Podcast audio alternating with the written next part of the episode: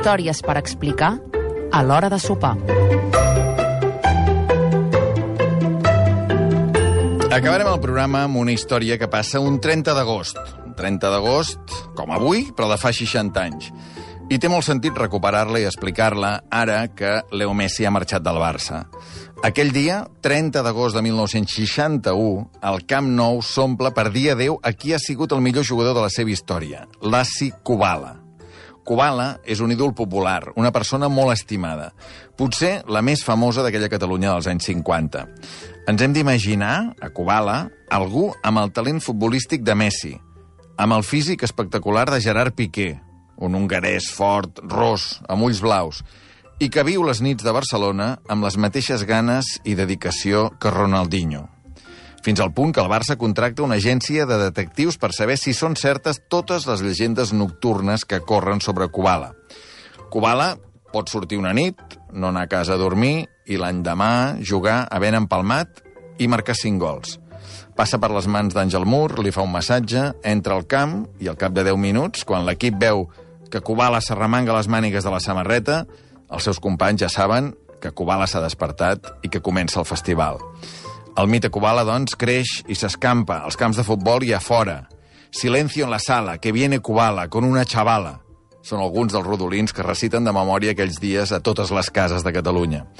Expliquen de Kubala que dona diners a qui ho necessita, que és capaç de treure's l'abric que porta i regalar-lo a algú a qui li faci més falta. Messi, Piqué i Ronaldinho en una sola persona, Kubala. Som, dèiem, el 30 d'agost de 1961, tal dia com avui de fa 60 anys. El partit d'homenatge a Kubala, ara que retira del futbol, es juga al Camp Nou, un estadi que només fa 3 anys que s'ha inaugurat perquè no hi ha teles a les cases i tothom vol veure com juga Kubala. El camp de les Corts s'ha quedat petit pel talent d'aquest futbolista i de tot un equip i una davantera que Serrat immortalitzarà amb aquell Besora, César, Kubala, Moreno i Manchón. Kubala disputa 256 partits amb el Barça i marca 194 gols. 256 partits, 194 gols. Guanya 16 títols en 10 anys, entre ells 4 lligues i 5 copes. Llança els penals amb paradinha, no s'havia vist mai aquí. Les faltes amb efecte, tampoc s'havia vist mai. I té una tècnica individual i una visió del futbol úniques. La para amb el cap, la baixa amb el pit, la dorma amb l'esquerra, l'amaga amb el cos, empenta amb el cul, se'n surt d'esperó, es pixa al central i la toca just per posar-la en el camí de la glòria. Tothom vol ser Kubala. La seva llegenda ha començat uns anys abans. Nascut el 1927 a Budapest, amb 15 anys ja juga a la primera divisió hongaresa. Però decideix marxar del país per no haver d'entrar a l'exèrcit comunista i poder-se dedicar al futbol. Contacta amb uns traficants que l'ajudaran a sortir, a travessar el telón de acero i entrar a Àustria. El disfressen de militar, l'enfilen un camió i l'últim tram el fa a peu. Acaba a Itàlia, però no pot jugar a partits oficials amb cap equip perquè està sancionat per haver abandonat el seu país. Formen, això sí, un equip de refugiats que es dedica a disputar partits amistosos per Europa. Quan ve a Barcelona hi ha una persona que el veu i decideix fitxar-lo immediatament. Es diu Samitier, és el secretari tècnic del Barça i abans havia sigut Samitier, el seu davanter centre estrella. I aquí, atenció, la mà de Franco li fa un favor al Barça. Franco nacionalitza Cubà l'espanyol ràpidament no tant per ajudar el Barça com per poder dir que Espanya ha acollit algú que ha sortit fugint de les garres del comunisme, paraules textuals. El règim franquista farà propaganda de l'epopeia de Kubala estrenant el 1955 una pel·lícula on hi surt el futbolista titulada Los Ases busquen la paz. I així és com de l'Assi passa a dir-se Ladislau, Ladislau Kubala, l'home que tal dia com avui, de fa 60 anys, 30 d'agost de 1961, diu adeu al Barça i al futbol amb el Camp Nou ple Kubala plega amb 34 anys després d'uns últims temps en què ja es comença a criticar la Kubalo-dependència que té l'equip.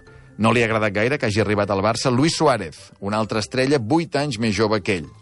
El president li ha promès a Kubala que ara que es retira es farà càrrec de l'escola de futbolistes del club i que aviat podrà ser l'entrenador del primer equip.